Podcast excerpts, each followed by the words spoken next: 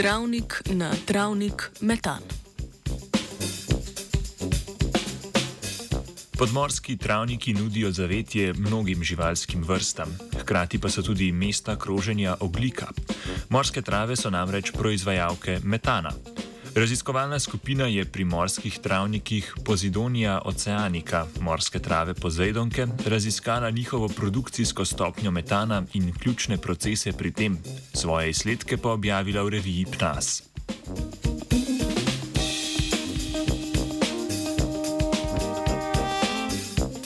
Približno polovica globalnih izpustov metana izhaja iz vodnih okolij, večinski delež pa prispevajo izpusti iz kopenskih voda. Izpusti, ki jih prispevajo oceani kot največja vodna telesa, so znatno manjši kot izpusti, ki jih prispevajo obaljne regije.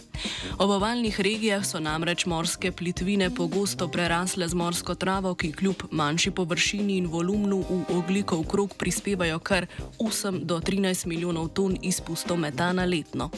Morski travniki so tako točka kopičenja metana v morskem okolju. Morske trave vrste Poizidonija oceanika, ki je sicer najbolj razširjena vrsta morske trave v sredozemlju, vežejo oglikov dioksid v zelenih listih, organski oglik pa na to transportirajo do korenike in korenin, kjer ga kopičijo. Za podmorske travnike je značilno tudi, da se odmrli rastlinski material, vključno s koreninami, nalaga v plasteh, sčasoma pa se iz tega lahko oblikuje šota.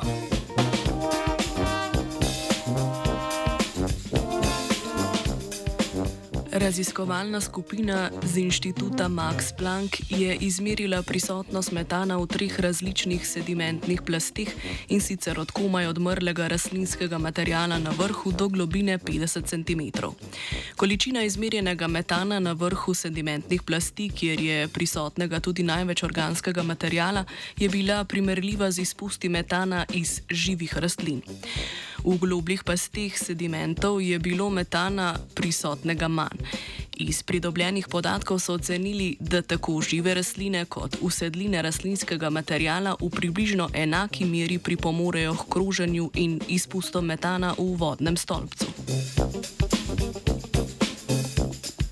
Da so tako morski travniki kot usedline že odmrlih rastlin vir metana, pa znanstvenice in znanstveniki pripisujejo visoko metiliranim spojinam, ki nastajajo v rastlinskem tkivu.